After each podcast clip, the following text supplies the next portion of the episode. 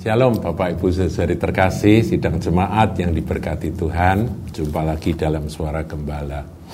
Saudaraku kali ini saya akan berbicara tentang topik yang saya beri judul Baptisan Yohanes yang nantinya akan dilanjutkan menjadi baptisan di dalam nama Yesus. Nah saudara, baptisan Yohanes pada zaman Tuhan Yesus itu merupakan satu kegerakan yang fenomenal di mana Yohanes tampil mendahului akan Yesus sang Mesias yaitu kan pengakuan dari Yohanes sendiri katakan bahwa aku e, diutus untuk mendahului dia. Dia meluruskan jalan bagi Tuhan dan sebagainya. Jadi dia perintis Yohanes itu perintis. Dan yang dia lakukan adalah memberitakan pertobatan dan membaptis orang. Baptisan bertobat dari jalan-jalan yang jahat, dari pikiran yang jahat, dari keinginan yang jahat, dan kemudian berbalik ke jalan Tuhan. Demikian. Itulah pelayanan dari Yohanes Pembaptis.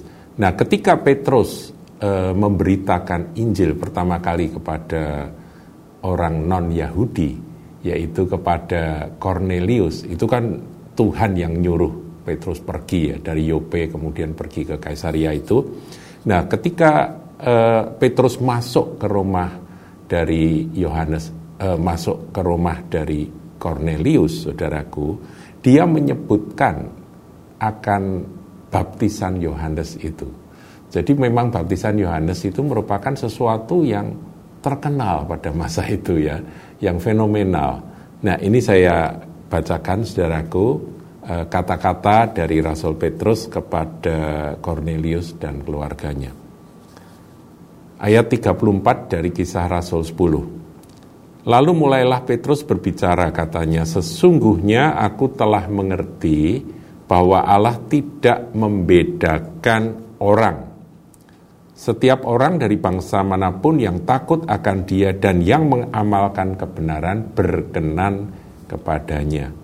Itulah firman yang ia suruh sampaikan kepada orang Israel, yaitu firman yang memberitakan damai sejahtera oleh Yesus Kristus yang adalah Tuhan dari semua orang.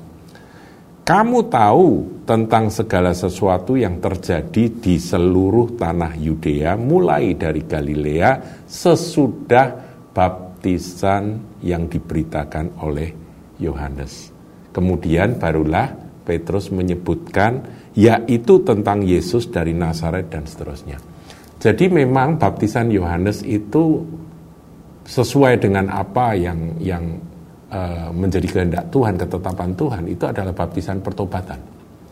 Sehingga pada masa itu sebelum Tuhan Yesus tampil dengan kabar baiknya bahwa dia adalah Mesias sang juru selamat, Yohanes Pembaptis mendahului dengan memberitakan pertobatan dan disertai dengan tanda baptisan. Baptis, baptiso itu artinya ya dicelupkan dalam air, dipermandikan di dalam air sebagai tanda pertobatan. Nah, saudara, Tuhan Yesus sendiri ketika dia mulai melayani, dia berapa kali menyebutkan tentang Yohanes Pembaptis dan salah satunya tentang pelayanan baptisan yang dilakukan oleh Yohanes Pembaptis. Kita lihat ya saudaraku ya dalam Matius 11 eh, maaf Markus 11 ayat yang ke-30 sampai 33. Markus 11 ayat 30 sampai 33 ya ini ayatnya.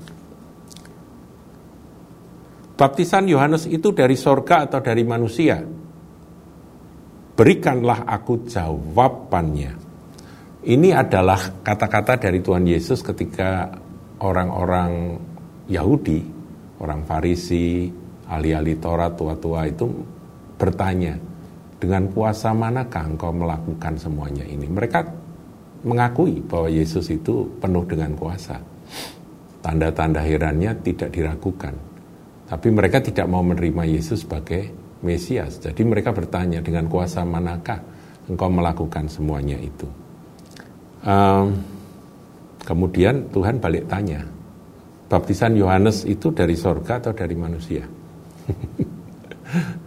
mereka mau jawab, waduh, nggak berani jawab saudaraku. Ayat 31 kalau saudara perhatikan di situ, mereka memperbincangkannya di antara mereka berkata, jikalau kita katakan dari sorga, ia akan berkata, kalau begitu mengapa kamu tidak percaya kepadanya? Mereka memang tidak percaya pada pelayanan Yohanes Pembaptis. Mereka menolak karena mereka nyaman dengan hidup sebagai orang-orang munafik itu saudaraku ya. Ayat 32, mereka nggak mau bertobat dari ya. Ayat 32, tetapi masakan kita katakan dari manusia. Nah, ini pertimbangan, mereka mikir, kalau ngomong dari manusia, pelayanan Yohanes itu, baptisan Yohanes itu dari manusia, wah bahaya. Sebab mereka takut kepada orang banyak, karena semua orang menganggap bahwa Yohanes betul-betul seorang nabi. ya, jadi mereka tuh, wah perhitungan gitu Ayat 33, lalu mereka menjawab Yesus, kami tidak tahu. Waduh, jawaban aman, saudaraku ya cari aman. Maka Yesus, kata Yesus kepada mereka, jika demikian aku juga tidak mengatakan kepadamu dengan kuasa manakah aku melakukan hal-hal itu. Tuhan nggak mau jawab. Percuma. Jawab pada orang yang tidak mau bertobat. Karena pelayanan Yohanes Baptis itu adalah pelayanan kepada semua orang kalau mau cari Tuhan, bertobat dulu. Berbalik dari jalan-jalan yang jahat. Itu pelayanan Yohanes Baptis. Nah, tandanya adalah dibaptiskan. Itu namanya baptisan Yohanes. Nah, pada masa itu sangat terkenal, saudaraku. Dan banyak orang yang bertobat. Dan banyak orang yang dibaptis oleh Yohanes. Nah, saudara, sekarang kita lihat perkembangannya setelah Yohanes mati dipenggal, Yesus pun sudah uh, menyelesaikan karya penebusan di kayu salib, dia sudah mati dikubur dan dia sudah bangkit, kemudian gereja Tuhan berdiri di hari Pentakosta ya setelah kenaikan Tuhan, kemudian mereka menanti 10 hari dan roh dicurahkan, kemudian gereja Tuhan bergerak, ya kan? Penuh roh kudus, murid-murid Tuhan, para rasul bergerak, saudaraku. Dan pertambahan jiwa-jiwanya luar biasa, saudara. Dan pada masa itu kita tahu bahwa baptisan Yohanes atau baptisan pertobatan itu bergabung dengan baptisan di dalam nama Tuhan Yesus. Tuhan Yesus sendiri memerintahkan, baptiskanlah mereka di dalam nama Bapa, Putra, dan Roh Kudus dalam nama nama Yesus Kristus Tuhan. Nah, saudaraku, kita lihat ya kisah para rasul pasal yang ke dua itu. Ayat yang ke-38 ini setelah Petrus berkhotbah. Jawab Petrus kepada mereka bertobatlah dan hendaklah kamu masing-masing memberi dirimu dibaptis dalam nama Yesus Kristus untuk pengampunan dosamu. Maka kamu akan menerima karunia Roh Kudus. Jadi baptisan pertobatan di sini bergabung dengan baptisan di dalam nama Tuhan Yesus. Tadinya terpisah. Karena Yesus belum menyelesaikan karya penebusan, Yesus belum bangkit, Yesus belum naik ke surga. Nah, ketika Yesus sudah naik ke surga dan Roh Kudus sudah disurahkan, maka murid-murid Kristus itu melakukan pelayanan baptisan dan pada waktu itu ada kurang lebih berapa 3000 orang ya yang dibaptiskan gitu ya. Ya luar biasa saudaraku jiwa-jiwa di diselamatkan ya gereja Tuhan bertumbuh. Dan baptisannya adalah baptisan di dalam nama Tuhan Yesus. Bukan lagi baptisan pertobatan saja. Nah, saya jelaskan ini supaya saudara kalau membaca Alkitab nggak bingung. Ya, kita lihat saudara ya, kita lihat kisah para rasul. Um, tadi kisah para rasul 10 sudah ya disinggung ya bahwa ada baptisan Yohanes begitu ya. Kemudian nama Yesus diberitakan. Nah sekarang di kisah para rasul 18 saudara. Dalam kisah 18 diceritakan dalam satu perikop tentang Apolos. Apolos seorang orator, seorang pengkhotbah yang luar biasa. Apolos sampai ke Efesus. Kita lihat ayat 24 dari kisah 18. Banyak ayat kita baca ya kali ini ya. Sementara itu datanglah ke Efesus seorang Yahudi bernama Apolos. Ia berasal dari Alexandria. Ia seorang yang fasih berbicara. Jadi Apolos ini memang seorang yang fasih lidah dan sangat mahir dalam soal-soal kitab suci. Jadi dia ngerti ayat-ayat firman ya, jadi dia mahir, menguasai kitab suci. Ayat 25, ia telah menerima pengajaran dalam jalan Tuhan. Dia menerima berita tentang Yesus Kristus. Dengan bersemangat ia berbicara dan dengan teliti ia mengajar tentang Yesus.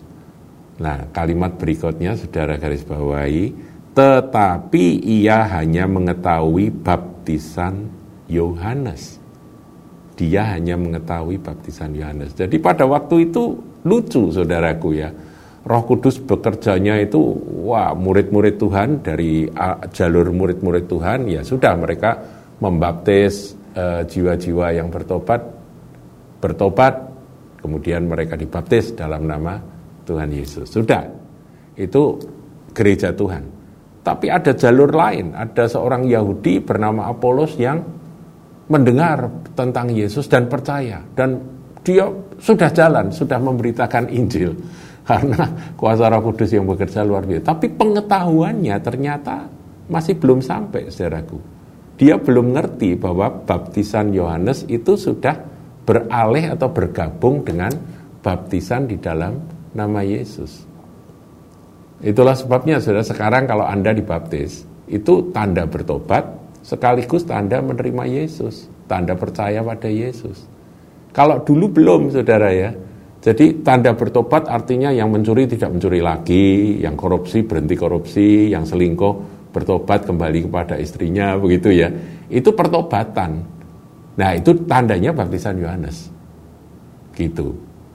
Tetapi nama Yesus belum belum mereka kenal atau belum diketahui bahwa sebetulnya pertobatan saja nggak cukup. Mereka bertobat dan mereka harus menerima Yesus sebagai Tuhan Juru Selamat. Kalau enggak, ya percuma, saudaraku ya. Pertobatan itu adalah step awal saja. Ngerti ya? Nah demikian ini Apolos. Apolos itu sudah percaya Yesus tapi belum ngerti tentang baptisan di dalam nama Yesus. Nah saya kira karena Apolos ini terbuka ya dia pasti menerima baptisan dalam nama Yesus. Nah, itu buktinya eh, di pasal 19, saudaraku. Ini adalah murid-murid yang ada di Efesus. Ini menarik, saudaraku. Ini dicatat supaya kita memahami bedanya baptisan Yohanes dengan baptisan di dalam nama Yesus. Saya bacakan ya. Ayat 1. Ketika Apolos masih di Korintus, Paulus sudah menjelajah daerah-daerah pedalaman dan tiba di Efesus. Di situ didapatinya beberapa orang murid. Kalau disebut murid, disciples uh, atau matetes itu itu berarti benar-benar mereka sudah percaya Yesus gitu saudara. Tapi ternyata pengajaran itu belum lengkap. Kebenaran belum penuh, tapi mereka bersemangat begitu ya. Nah, ini pentingnya kebenaran eh, firman Tuhan yang lengkap itu disampaikan, diajarkan. Kita yang hidup di akhir zaman ini, kita bahagia saudaraku, Alkitab ini sudah utuh, lengkap, ya. Oleh Tuhan sudah ditutup dengan kitab Wahyu, kita tinggal menyelidiki, membaca dan belajar, kita ini sudah istilahnya sudah sudah lengkap ya, sudah tidak perlu pusing-pusing mencari-cari lagi mana yang eh, yang dibutuhkan untuk dilakukan dan sebagainya itu semua sudah ada sekarang ini. Kebenaran itu sudah jelas sekali. Nah, kata mereka sudah kata mereka katanya kepada mereka, sudahkah kamu menerima Roh Kudus ketika kamu menjadi percaya? Di sini dipikir oleh uh, Paulus, mereka ini kan sudah terima Yesus, sudah dibaptis dalam nama Yesus, kan sudah jadi murid kan itu yang dibutuhkan adalah Roh Kudus kan begitu ya ditanya sudahkah kamu menerima Roh Kudus ketika kamu menjadi percaya percaya pada Yesus Akan tetapi mereka menjawab dia, belum, bahkan kami belum pernah mendengar bahwa ada roh kudus. Bayangkan saudaraku, sudah jadi Kristen, tapi belum ngerti sama sekali tentang roh kudus itu apa.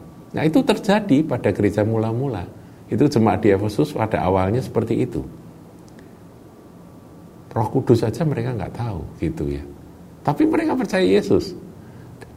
Lalu kata Paulus kepada mereka, kalau begitu dengan baptisan mana kamu telah dibaptis? Jawab mereka dengan baptisan Yohanes. Jadi mereka itu sudah baptis tapi baptisannya adalah baptisan pertobatan. Jadi pada waktu itu baptisan Yohanes itu tetap dilakukan oleh murid-murid Yohanes, oleh orang-orang Yahudi yang e, bertobat sungguh-sungguh dan mereka memberitakan pertobatan kepada sesama orang-orang Yahudi sampai ke Efesus. Jadi mereka itu menerimanya baptisan Yohanes. Baptisan dalam nama Bapa Putra Roh Kudus dalam nama Yesus belum, saudaraku. ya. Kata Paulus. Nah, ini ini penting, Saudara pelajari ya. Ayat 4 baptisan Yohanes adalah pembaptisan orang yang telah bertobat.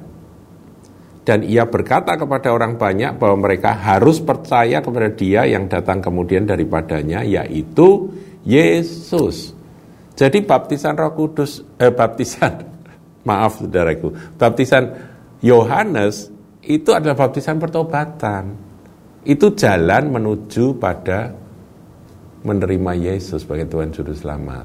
Nah, kemudian kalau saudara baca lebih lanjut ayat 5, ketika mereka mendengar hal itu, mereka memberi diri mereka dibaptis dalam nama Tuhan Yesus. Jadi mereka dibaptis lagi.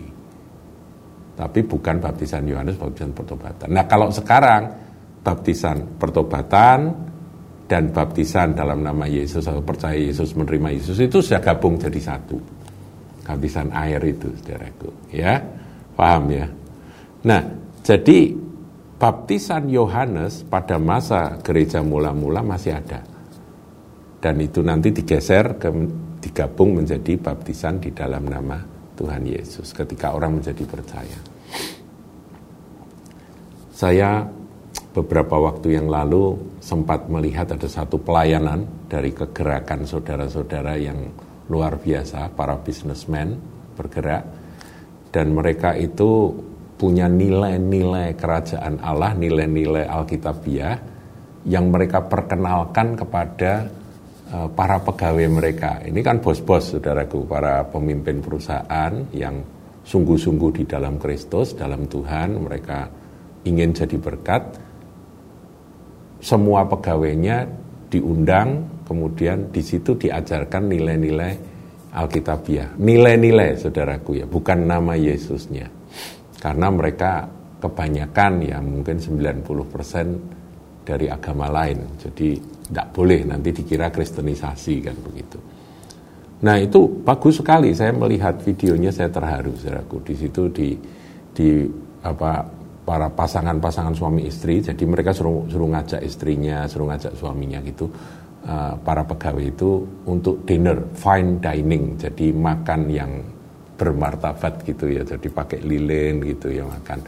Dan dalam acara itu diberitahukan tentang pentingnya keluarga dan sebagainya pokoknya yang kebaikan dan nilai-nilai firman Tuhan. Tentang kebenaran bagaimana kerja yang baik kerja yang jujur kemudian setia pada pasangan dan sebagainya banyak yang tersentuh saudaraku. Dan ketika acara mereka suami diminta untuk memeluk istri itu banyak yang menangis saudara wanita-wanita ya. Sampai ada kesaksian dari mereka yang mereka dengan dengan pakaian yang menunjukkan bahwa mereka dari agama lain itu mereka berkata bahwa selama hidup saya tidak pernah merasakan kebahagiaan seperti ini.